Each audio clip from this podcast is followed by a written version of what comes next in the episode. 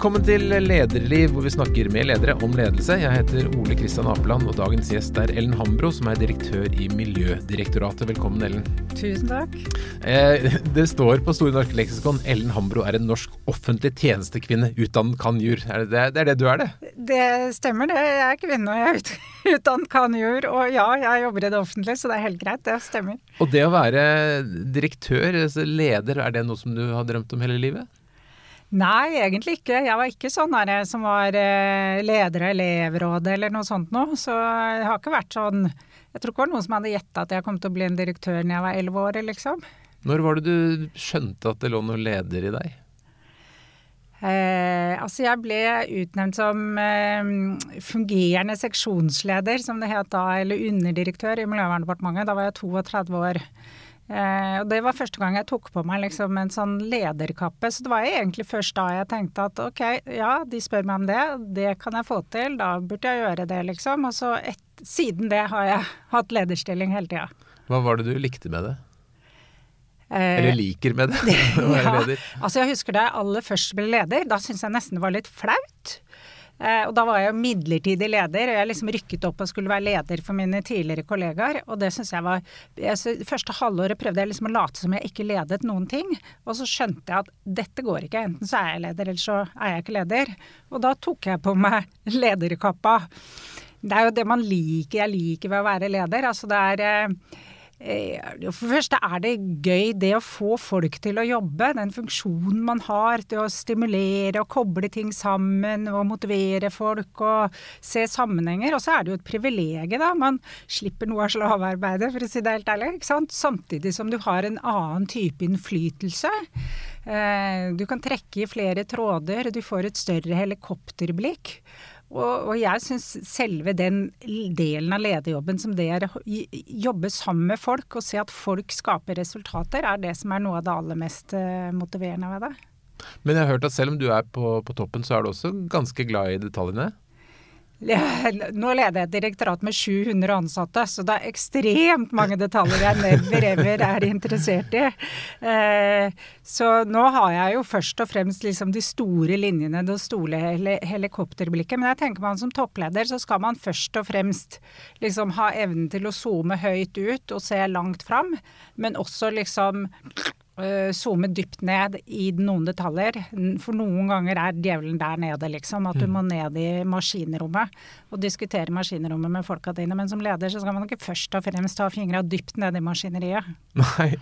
Du har, gått, du har vært uh, jurist, rådgiver i Miljøverndepartementet, avdelingsdirektør der, og så en tur til Landbruks- og matdepartementet, og så til da, direktør for Klima- og forurensningsdirektoratet, og så ble det Miljødirektoratet. Så dere slo sammen da eh, to direktorater, Direktoratet for naturforvaltning og Klima- og forurensningsdirektoratet til Miljødirektoratet. Ja. Det er i hvert fall et mye enklere navn å si Miljødirektoratet enn de to andre. Men fortell litt om det med å slå sammen og, altså, to relativt store direktorater med sikkert litt ulik kultur. Hva var erfaringene med å slå sammen? Ja, Det var en spennende erfaring. Da hadde jeg vært direktør i det som het Klima- og forurensningsdirektoratet. Het SFT før det igjen, da. Mm. Så det var egentlig Jeg hadde vært direktør i SFT i seks år. Eh, og så kjente jeg for så vidt Direktoratet for naturforvaltning lite grann, men det lå i Trondheim, og jeg kjente det ikke supergodt. Så det å påta seg den å slå sammen de to til ett direktorat, det var først så tenkte jeg nei, ikke F, det vil jeg ikke, liksom. Og så vokste det på meg jo herregud, det er jo kjempesmart, dette er fornuftig, disse problemstillingene henger sammen, dette blir kjempespennende. Og så, så søkte jeg jobben og fikk den. Uh, og det, de, de to første årene der jobba jeg litt sånn 24-7, altså for å få to så forskjellige direktorater til å Og det er utrolig mye sånn praktisk leamikk. IT-systemer, arkivsystemer, HS Alt var forskjellig. Alt det måtte få man til å henge, henge sammen og få en struktur på det. Folk var forskjellige. Det var litt ulik kultur, ulike måter å jobbe på. Og selv om det var to direktorater som lå under det samme departementet, så det, hadde departementet helt ulik måte å styre de to direktoratene på. Så det var veldig mye å finne ut av. Og liksom, man brukte begreper på forskjellige måter og sånn. Få to ledergrupper til å smelte sammen, lage en ny organisasjonsstruktur. Så det tror jeg er en av de mest spennende lederutfordringene jeg har hatt noen gang. Og så er det jo sånn at det finnes ikke noen oppskrift for hvordan man slår sammen direktorater i Norge. Eh, staten er ikke så god på å akkumulere egentlig erfaring med den type omstillingsprosesser, så man må liksom finne opp hjulet litt for hver gang. Eh, og jeg syns i utgangspunktet at vi hadde sjukt kort tid. Vi hadde seks måneder fra beslutning til iverksetting. Med etterkant så er jeg veldig glad for at det var så kort tid. at når alle vet at dette skal skje, så er det en utålmodighet på å få det til å skje. Eh, og da er det bedre å komme i gang, på en måte. Og så er det noe som halter litt i starten. Men eh, da er det bedre, for da er man blitt en gjeng, og man har et mer felles ansvar å få ting til å gå godt på skinner og sånn. Hva er det viktigste erfaringen hvis du fikk det oppdraget igjen, slå sammen to direktorater? Hva er det viktigste man skal tenke på? eh, ja, det er så vanskelig å trekke ut. Men all den leamikken, som er veldig mye sånn praktisk administrativt, ha ha en god sånn eh, økonomi- og administrasjonssjef til å bistå deg med det. Og bruk noen eksterne konsulenter på god del ting, for det er alltid litt gnisninger. Og det er liksom litt sånn Jeg tenkte på det litt som et sånn arrangert ekteskap. Man blir liksom Dere to skal gifte dere, vær så god. Og så er det litt sånn Jeg, skal, jeg vil gjerne ha med mitt bestikk, nei, mine gafler er tinere enn dine, og mitt mm. servise. Man må gjøre masse valg.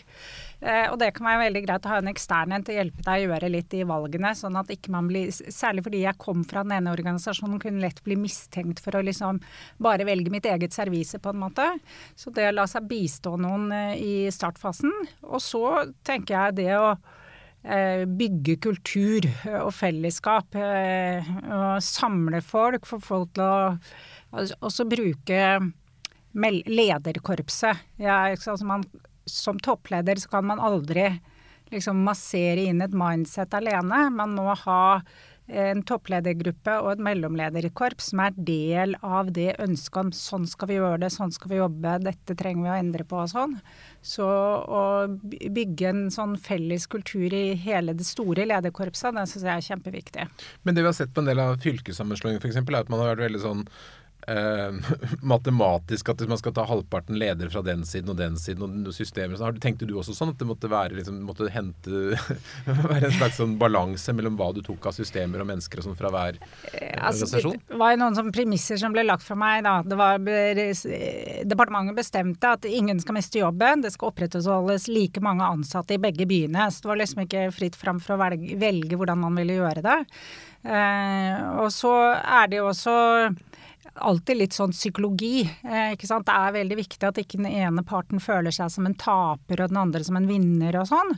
Eh, samtidig som det alltid er viktig å se på ja, eh, vi har én løsning, sånn gjorde man det der, sånn gjorde man det der. Og hva er den beste løsningen? Og jeg tenker at jeg gikk for å velge den beste løsningen og ikke drive og ta psykologiske hensyn. Og ofte endte vi opp med løsninger som var kanskje litt en mellomting, hvor vi hentet det beste fra den ene og den andre.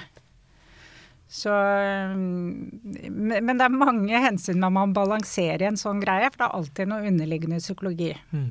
Hva er de viktigste grepene for å skape liksom en fellesskapskultur? Ja, altså det er, hva er kultur, og hvordan avgrenser man det? For at selv innad i enhver organisasjon så er det ulike kulturer, og ulike avdelinger har litt ulike tradisjoner og måter å gjøre ting på og subkulturer. Så hvordan man avgrenser og definerer en kultur, syns jeg er vanskelig. Men jeg tror at det, det handler om å eh, gjenta ting. Massere inn liksom noen budskap på ulike måter, og ikke, ikke drive på med det som en sånn pekefinger og 'nå skal jeg ordne opp, alt skal bli veldig mye bedre enn det var' og sånn. Men eh, prøve å snakke fram nye måter å gjøre ting på. Og, og gjenta ting på ulike måter i ulike settinger, allmøter og bla, bla, bla. sånn, Intranettmeldinger og diskusjoner og møter med fagfolkene og sånn. Men også, som jeg sa, å bruke et lederkorpset mm. in large. Eh, sånn at eh, hvis man har mellomledere som liksom ikke er del av din tankesett, eh, og kjører sitt eget løp, da får man det ikke til å funke. Så bygge den lojaliteten og det fellesskapet i lederkorpset, sånn at de er et felles korps som er ambassadører, for nå skal vi være et direktorat, sånn skal vi jobbe, sånn vil vi bli oppfattet og sånn, det, det har jeg veldig tro på. Hva gjør du hvis du oppdager at noen på en måte ikke går i takt? Nei, først er det ofte vanskelig å oppdage. Eh, og hvis jeg oppdager det, så må man ta det opp og snakke med vedkommende. Eh, og, og hvis det er en leder som på en måte ikke vil gå i takt, liksom uttrykkelig sier ja, men jeg er uenig i denne linja, liksom, ja, da får vedkommende finne seg noe annet å gjøre, på en måte. For hvis du du, du, må være grunnleggende sett enig i tilnærmingen. Men noen ganger hvis noen går i takt, så er det ikke fordi av, av vond vilje eller motvilje, men at man kanskje har misforstått noe eller ikke fått ting forklart godt nok. Så ofte kan en samtale eller to bidra til å at ok, ja men da skjønner jeg, da er jeg med, da skal jeg også sørge for å formidle dette på en bra måte, liksom. Men direkte illojalitet, liksom, det må man jo forholde seg til å plukke opp i, og eventuelt fjerne hvis det skulle være nødvendig. Hvordan ønsker du at alle disse 700 medarbeiderne skal oppleve deg som leder? ja, det er et godt spørsmål. Jeg vil jo gjerne at de skal oppleve meg som eh, en, en, god leder. Som en person som styrer skuta på en god måte. En kaptein som de stoler på. En som er interessert i det de driver med. Som er en relevant diskusjonspartner og sparringspartner og en som representerer direktoratet godt utad. Altså Som toppleder så er man jo liksom både utenriksminister og innenriksminister. Og man håndterer begge deler. Og man er seremonimester på en måte i større anledninger og sånn. Uh, så, så jeg, man vil jo alltid at man ønsker Alle ønsker jo å bli likt.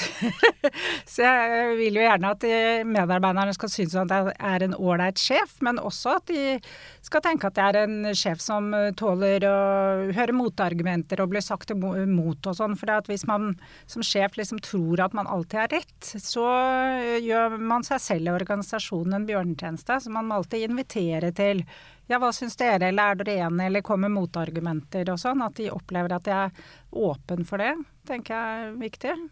Hva er den største forskjellen på deg i dag mot da, den gangen du først fikk lederansvar i departementet? Nei, Det er kjempeforskjell. For som jeg sa, da var jeg veldig ung. Jeg hadde ikke noe ledererfaring. Hadde ikke noe lederkurs eller skole eller liksom noen ting rundt det. Og syns rett og slett det var flaut å være leder. Eh, så har jeg nå liksom 40 år på baken som leder, og er jo trygg i den rollen og den funksjonen. Eh, så, jeg, så jeg, jeg, er i hvert fall ikke flau over å være leder lenger. Og jeg tror at man blir jo eh, Man får mengdetrening som leder og blir tryggere i rollen og blir bedre som leder, men man er aldri ferdig utdanna, liksom. Man må hele tiden ha påfyll og reflektere over hvordan man fungerer som leder. Eh, og og sørge for å ha noen som gir deg råd, liksom. Så man ikke, ikke tror man er verdensmester. For det ja, hvor henter du de rådene? Er det, er det, de under deg? Kan du ikke stole på hvor de snakker deg til munnen, gjør de ikke det? ja, altså jeg prøver å få folk rundt meg til å gi meg tilbakemelding. Og det hender jo de sier det til Ellen, nå skravler du for mye, eller nå må du være litt stille og lytte. Og jeg kan få tilbakemeldinger, og det, tilbakemeldinger, litt sånn tilbakemeldinger på forbedringer er det man vokser aller mest på. Eh, og så har jeg en coach. Jeg snakker med Henning Bang, som du sikkert vet mm. godt for meg. Han snakker jeg med innimellom, og da diskuterer jeg litt med liksom sånne ting. Så har jeg en sånn motor som går for meg selv, hvor jeg ofte debrifer meg selv. Selvkritisk. Hvordan gikk dette møtet eller denne seansen, og hva kunne jeg gjort bedre? Hvorfor blei det så amper stemning, og hva, hva, hvordan kunne vi håndtert dette på en annen måte, og sånn. Så det, den selvkritiske stemmen, den er jo også en eh, god sånn form for tilbakemelding. Så er jeg også en mann som er eh, toppleder, da, så vi diskuterer mange sånne type topplederutfordringer eh, hjemme. Og han kan også si til meg innimellom hvis det gjør sånn som det der på jobben, Ellen, det må du ikke gjøre, da blir du dårlig sjef, liksom, og sånn. Så, så jeg syns jeg har ganske mange måter jeg driver og evaluerer meg sjøl som leder på. Mm. Er det noen spesielle hendelser eller øh, opplevelser i den perioden som har formet deg som leder? Eller fått deg til å endre deg? Eh, nei, jeg ikke, ikke sånn én enkelthendelse. For det er, har vært uh, liksom en jevn dont med mange ting. Men det er klart, jeg syns at overgangen fra ikke være leder til å være leder var stor. Og overgangen fra jeg var førstelinjeleder til jeg ble andrelinjeleder, det var en liksom stor overgang, og skjønne det er faktisk en helt annen Det må du forklare, det tror jeg ikke alle skjønner hva er førstelinje og andrelinje. Ja, hvis man, når du er seksjonsleder, så har du liksom 8-10-15 medarbeidere som direkte sorterer til deg. Mm. Men når du blir ekspedisjonssjef, andre, da har du kanskje tre, fire, fem underdirektører som mm. sorterer under deg, og de har direktekontakten med medarbeiderne. Og det er en helt annen lederjobb eh, som eh, da, da, må man igjen jobbe gjennom de mellomlederne. Man er litt lenger unna folk, på en måte. Øh, og må liksom løfte seg mer på det strategiske nivået. og blir del av en toppledergruppe. Større ansvar for å se helheten og bredden utover egen avdeling og sånn. Så det syns jeg var en overgang. Da jeg, var, skiftet jeg også beite helt fullstendig. Gikk fra Miljøverndepartementet til Landbruksdepartementet, som på en måte er litt sånn jeg skal ikke si fiender, for det er helt feil, men det er jo noen motsetninger mellom de to departementene. Så det i seg selv var veldig nyttig å se miljøforvaltningen utenfra. Jobbe inn i et næringsdepartement. Så var det Per Harald Grue, som var departementsråd i Landbruksdepartementet da, som er kjent for å være en eh, meget hard hånd. Så utrolig lærerikt å ha han som sjef. Lærte veldig masse av han. Masse bra ting, også, og også noen ting jeg tenkte at sånn vil jeg ikke gjøre det. Men det er også en nyttig lærdom. Men jeg syns han var en uh, fascinerende ledertype. Og så er det helt klart å gå fra å være byråkrat i departementet hvor man er veldig sånn grå eminense. Departementsembetsverket syns ikke, må aldri håndtere media. Man har alltid noen å lene seg på. Man er egentlig bare rådgiver for politisk ledelse. Det er de som må stå i stormen for alle beslutninger. Men jeg ble toppleder for et direktorat, så var det wow! For det var kjempeannerledes. Mm. Plutselig så var det var alle ansatte hvem er opptatt, var opptatt, av meg. Hvem er lederen, hvordan hun, hva sier hun, hva mener hun, hva betyr det? Mens når man jobber i departementet, så er man faktisk ikke så innmari opptatt av departementsråden. For man er mer opptatt av den til enhver tid sittende politiske ledelse. Og plutselig måtte jeg fronte ting i media. Gudskjelov, jeg fikk et mediehåndtreningskurs før jeg begynte som direktør i SFT. Og allerede 6. januar eller noe sånt nå, så skulle jeg intervjues på Dagsrevyen. Så da var det veldig bra å ha øvd seg bitte lite grann på det på forhånd. Så det er en veldig annerledes rolle eh, når man er eh, i ytre etater, da, hvor man mm. er, må liksom stå i media eh, og ha et ansvar. Ingen statsrådsskulder å gjemme seg bak eller lene seg på. Og så er det en stor forskjell å være toppleder ved at når du er øverste leder, så har du på en måte ingen, ingen i ryggen å lene deg på. Da har du totalansvaret og er veldig, veldig aleine med det. Føler du deg litt ensom i rollen noen ganger? Ja, det tenker jeg. Og jeg tenker absolutt. Og det å være toppleder i et direktorat er Altså, nå har jeg aldri jobbet i privat sektor, så jeg kan ikke helt sammenligne, men jeg regner med at hvis du er administrerende direktør i et AS, så har du et styre og det styret, inntil det eventuelt kaster deg, da, som det hender jo at de gjør, men så er det styret opptatt av at du skal lykkes, og at bedriften din er opptatt av hvordan det står til i bedriften din og sånn. Mens jeg har ikke et styre i ryggen som interesserer seg for meg eller blander seg inn eller gir meg råd eller støtte. Og departementet, som er min overordnede, de, de er jo ikke et styre for meg. Tvert imot, vi skal ha masse leveranser til dem.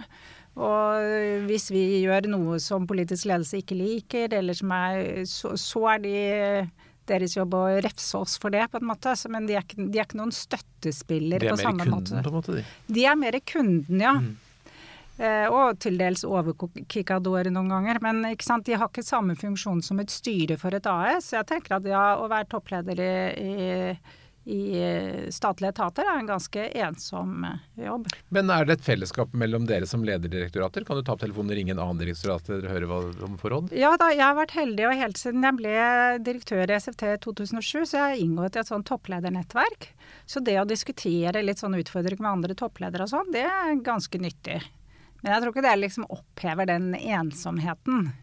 Det, det, kan være nyttig å drodre litt med noen og sånn, men man står aleine med det ansvaret mm. man har. Det gjør man.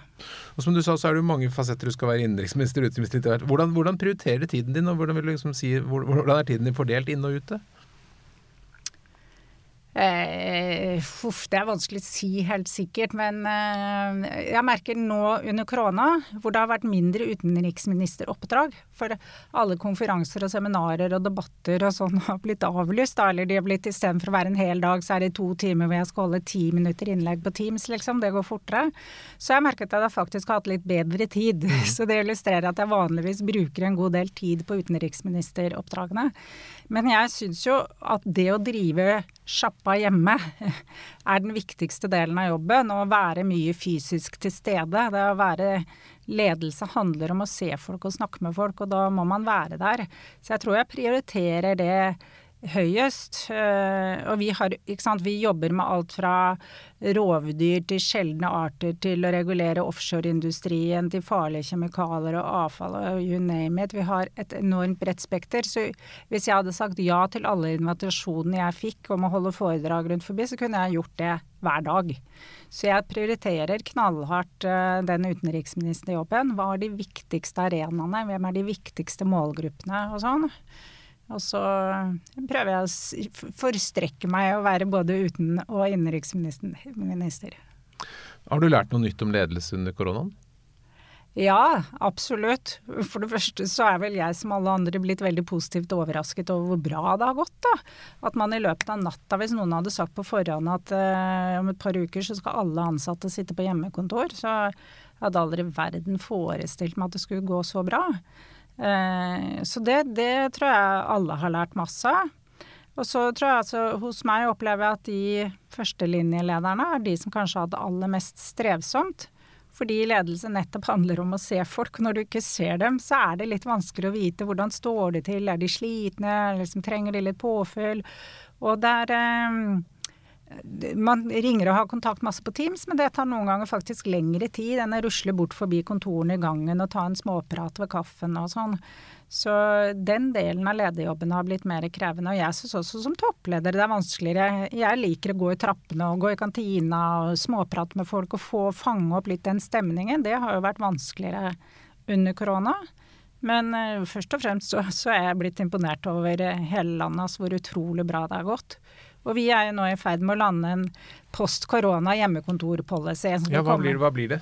Nei, vi går i retning av å si hovedregel bør være tre dager på kontoret, og så to dager eh, valgfritt.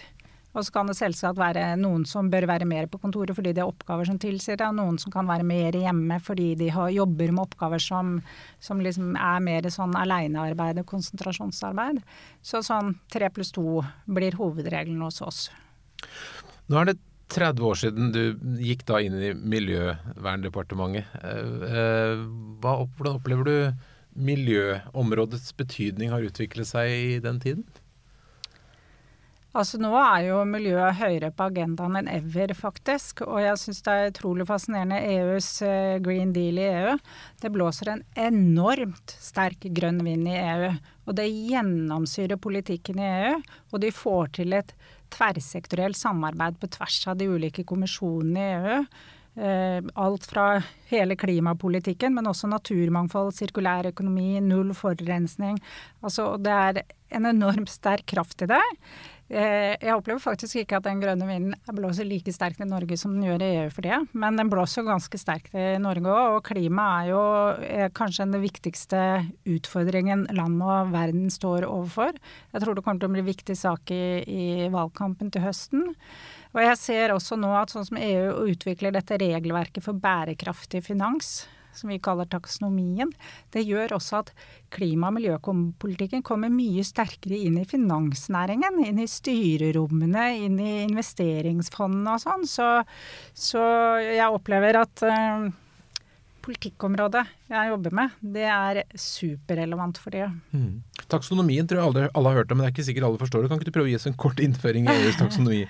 jo, det er på en måte at EU lager et regelverk for å definere hva som er bærekraftig aktivitet, sånn at man ikke kan liksom grønnvaske seg selv og si vi er veldig bærekraftige uten reelt sett å være det.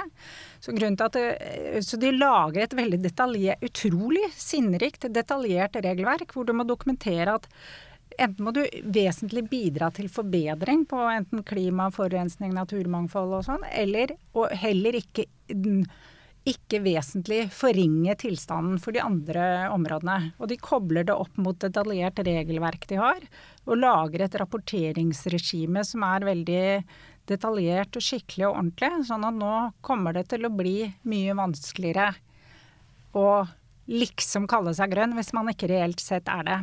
Og så er jo dette et investorer kan velge å si ja, men jeg vil gjerne putte pengene mine i noe som ikke er definert som bærekraftig, for det blir jo ikke forbudt. Men en god del investorer eh, vil si ja, men jeg vil prioritere å putte pengene mine i det som er bærekraftig. Sånn at hele tanken bak denne taksonomien i EU er jo å mobilisere privat kapital over til grønne løsninger.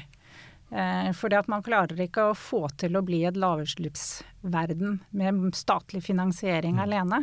Og jeg ser jo nå hvordan dette allerede har begynt å fungere. Altså, så det er kjempespennende. Og det er en ny måte å regulere på som er eh, helt fascinerende. Og jeg er fascinert over grundig og skikkeligheten til EU i det. Spennende.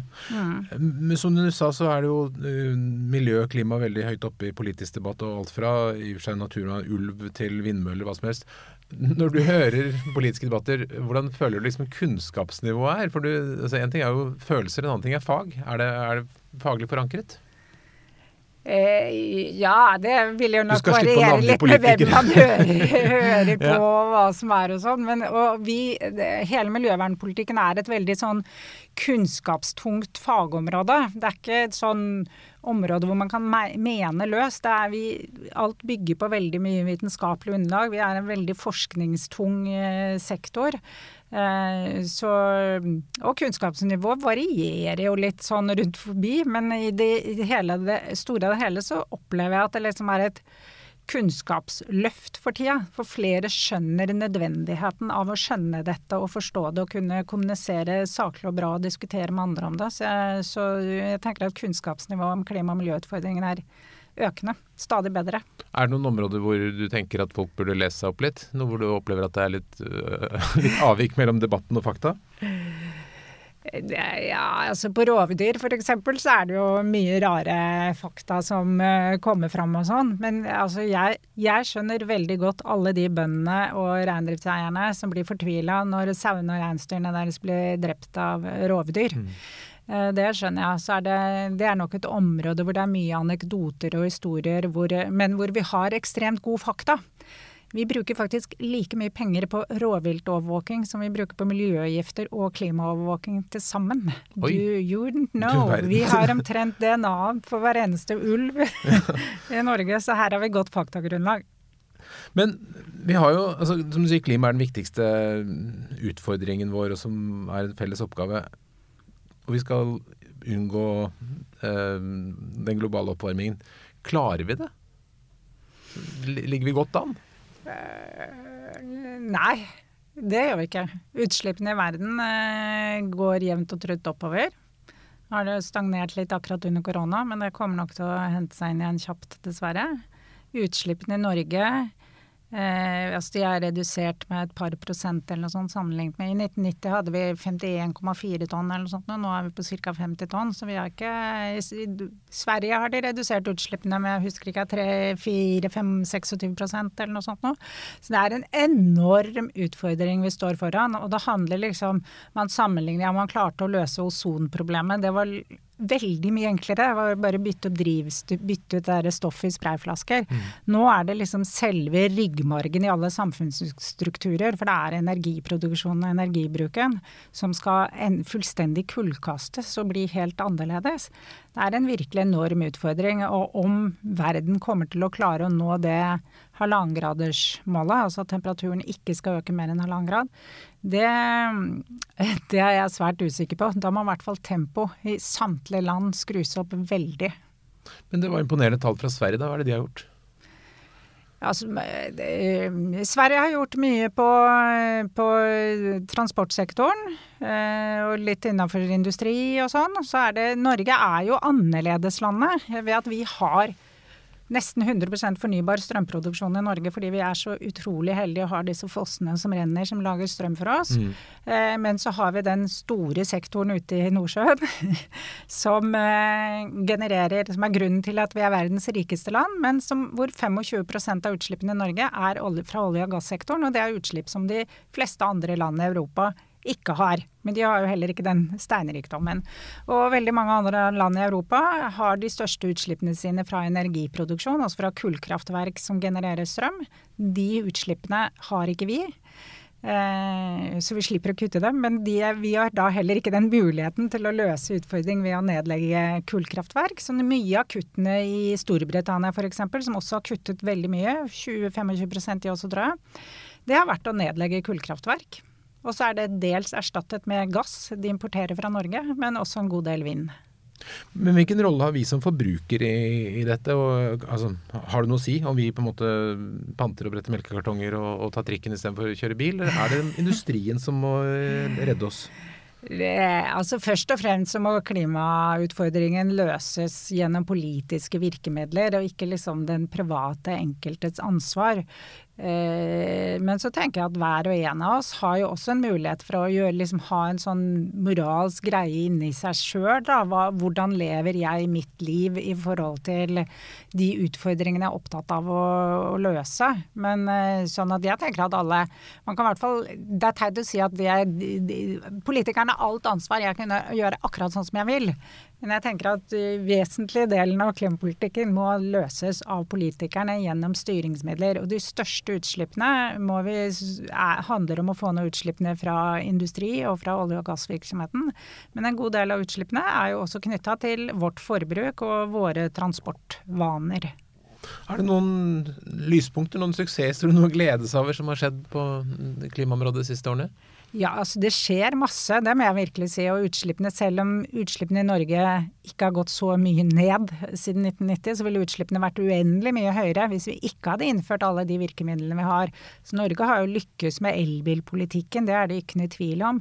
Vi har, nå kjører det 70-80 Eh, elferger på norske fergesamband. Først i verden på det. Og det er jo både kutter vi utslippene og vi utvikler ny næringsvirksomhet som kan produsere disse fergene som det er behov for i mange andre steder i verden. Det jobbes intenst også nå på, på, på hurtigbåtmarkedet. Det skjer masse knytta til forberedelse av havvind. Masse norsk næringsliv som ruster seg for det. Hydrogen er det også fascinerende med mye næringsliv som er i gang og vil produsere hydrogen.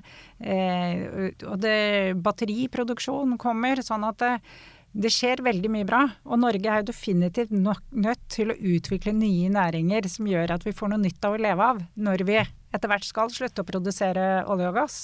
Så den kombinasjonen av å finne løsninger som gjør at vi kutter utslipp og utvikler nye varige grønne arbeidsplasser, er kjempeviktig. Så jeg, jeg syns det er gøy å se hvor mye som skjer der ute. Eh, men eh, det kunne godt gå enda fortere. det mener alle om sitt eh, område, at det ja. skulle skjedd litt mer. Men dere er jo i en situasjon hvor dere er styrt av norsk miljøpolitikk. Og når politikk endrer seg, og kanskje vi får en ny regjering osv. Er, er det en utfordring som direktorat? At man plutselig nå skal dere gå den veien, nå skal dere gå den veien? Eller er det i det store og det hele stabilt det dere holder på med? For det første syns jeg ikke det er noe problem. For det første er jeg grunnleggende liksom veldig demokratisk anlagt. Jeg syns det er bra at vi har et uh, folkevalgt styre, at det er folkevalgte som skal bestemme politikken. Mm. Uh, så, så, jeg tenker at et direktorats oppgave er å gjennomføre den til enhver tid gjeldende politikk. Og vi skal ikke være noe politisk organ. Liksom. Vi skal gi faglig råd, og skal vi gjennomføre politikken, og ikke drive og ha omkamper eller synse om politiske spørsmål. Men mange som jobber hos oss, mener jo noe om noe. Men da kan man også bli medlem av en miljøorganisasjon, mm. eller slutte å jobbe hos oss, eller begynne å melde seg inn i et parti. For det finnes politiske arenaer for det. Så når man jobber i et direktorat, så skal man gjennomføre politikken. Og jeg har eh, drevet på så lenge med, under ulike og skiftende regjeringer, og det er jo ikke sånn at det er ekstrem uenighet, at er, alt skal gjøres på annen måte. Veldig, veldig mye av de løpende driftsoppgavene vil fortsette akkurat som før. Og så vil det være noen dreininger, at noen nye politikere mener noe litt annet og vil ha justering i noen virkemidler og ha en litt annen tilnærming. Så noen nye oppgaver eller utredninger og vurderinger vil det bli. Og det er jo meningen med demokratiet, så det syns jeg faktisk er helt greit. Mm. Eh, en, Du sier at eh, kutt i klimagasser ikke går så fort som det skal. En annen ting som har vært også et uttalt politisk mål som ikke går så veldig fort, det er jo dette med reduksjon av offentlig sektor. Altså, man har vel, Den regjeringen vi har hatt nå lenge, har jo snakket om at vi skal liksom bli færre, men det blir jo bare flere. Er det noe, ser du noen muligheter for å redusere offentlig sektor? Kan direktoratet ditt bli mindre? Bør direktoratet bli mindre? Vi har blitt færre, vi altså. Ja. Eh, regjeringen har jo holdt på med det de kaller ABE-reformen. Avbyråkratisering og effektiviseringsreform. Så vi har fått kuttet budsjettet litt år for år for år, og tatt ned bemanningen noe og det er det veldig mange andre i staten som har gjort også. Eh, og så tror jeg at det, og det er sunt å bli pusha på det. Hvor kan man knipe i kantene, løpe fortere, tynne litt måten å gjøre ting på og sånn. Og det har man bare godt av. For vi, vi bruker skattebetalernes penger, og da skal vi sørge for at vi bruker det på en effektiv måte eh, når vi er på jobb. Eh, så, men samtidig så opplever jeg at fordi miljøvernpolitikken er i så sterk utvikling, og det kommer stadig nye virkemidler som vi blir satt til å forvalte, og i tillegg utreder vi nye virkemidler som igjen gir oss nye oppgaver, så er vi i en situasjon hvor vi har en økende oppgaveportefølje eh, med en redusert bemanning. Så vi, eh, og vi har eh, gjort mye på digitalisering mm. og det jeg kaller å knipe i kantene, ja, ja. for å gjøre ting kjappere og mer effektivt. Så vi hadde aldri i verden klart den økende oppgavemengden vi har hatt de siste årene, uten alle de effektiviseringsgrepene vi faktisk har fått til. Hvordan klarer du å motivere folk til det? Nå skal dere gjøre det litt mer av det dere holder på med, bare litt færre ressurser? Eh, nei, det er litt krevende. Jeg tror mange er lei av å høre meg si effektivisering og mer for mindre og sånn. Men eh, altså, du husker perspektivmeldingen som kom nå i våre? Den er ekstremt tydelig på at uh, skatteinntektene kommer til å gå ned, oljeinntektene kommer til å gå ned. Vi skal bli færre, stadig færre folk som skal betjene pensjonen til de stadig flere eldre. Det kommer til å bli mindre rom på de offentlige budsjettene, og det må vi forholde oss til. Så det er på en min måte min jobb. Det er del av den kjedelige lederjobben noen ganger. Massere inn det budskapet. Vi er pokka nødt til å klare å gjøre mer for mindre, selv om ikke det alltid er det som er De fleste mener at det heller burde kutte på et annet område? Ja da, det, det, det, det mener alle. Men jeg, jeg opplever at budskapet er ekstremt klart fra oven. Eh, vi må effektivisere. Og det prøver vi å få til. Så har jeg også sagt til mitt departement at det kan komme til et punkt hvor vi ikke klarer å løpe fortere eller knipe mer i kantene.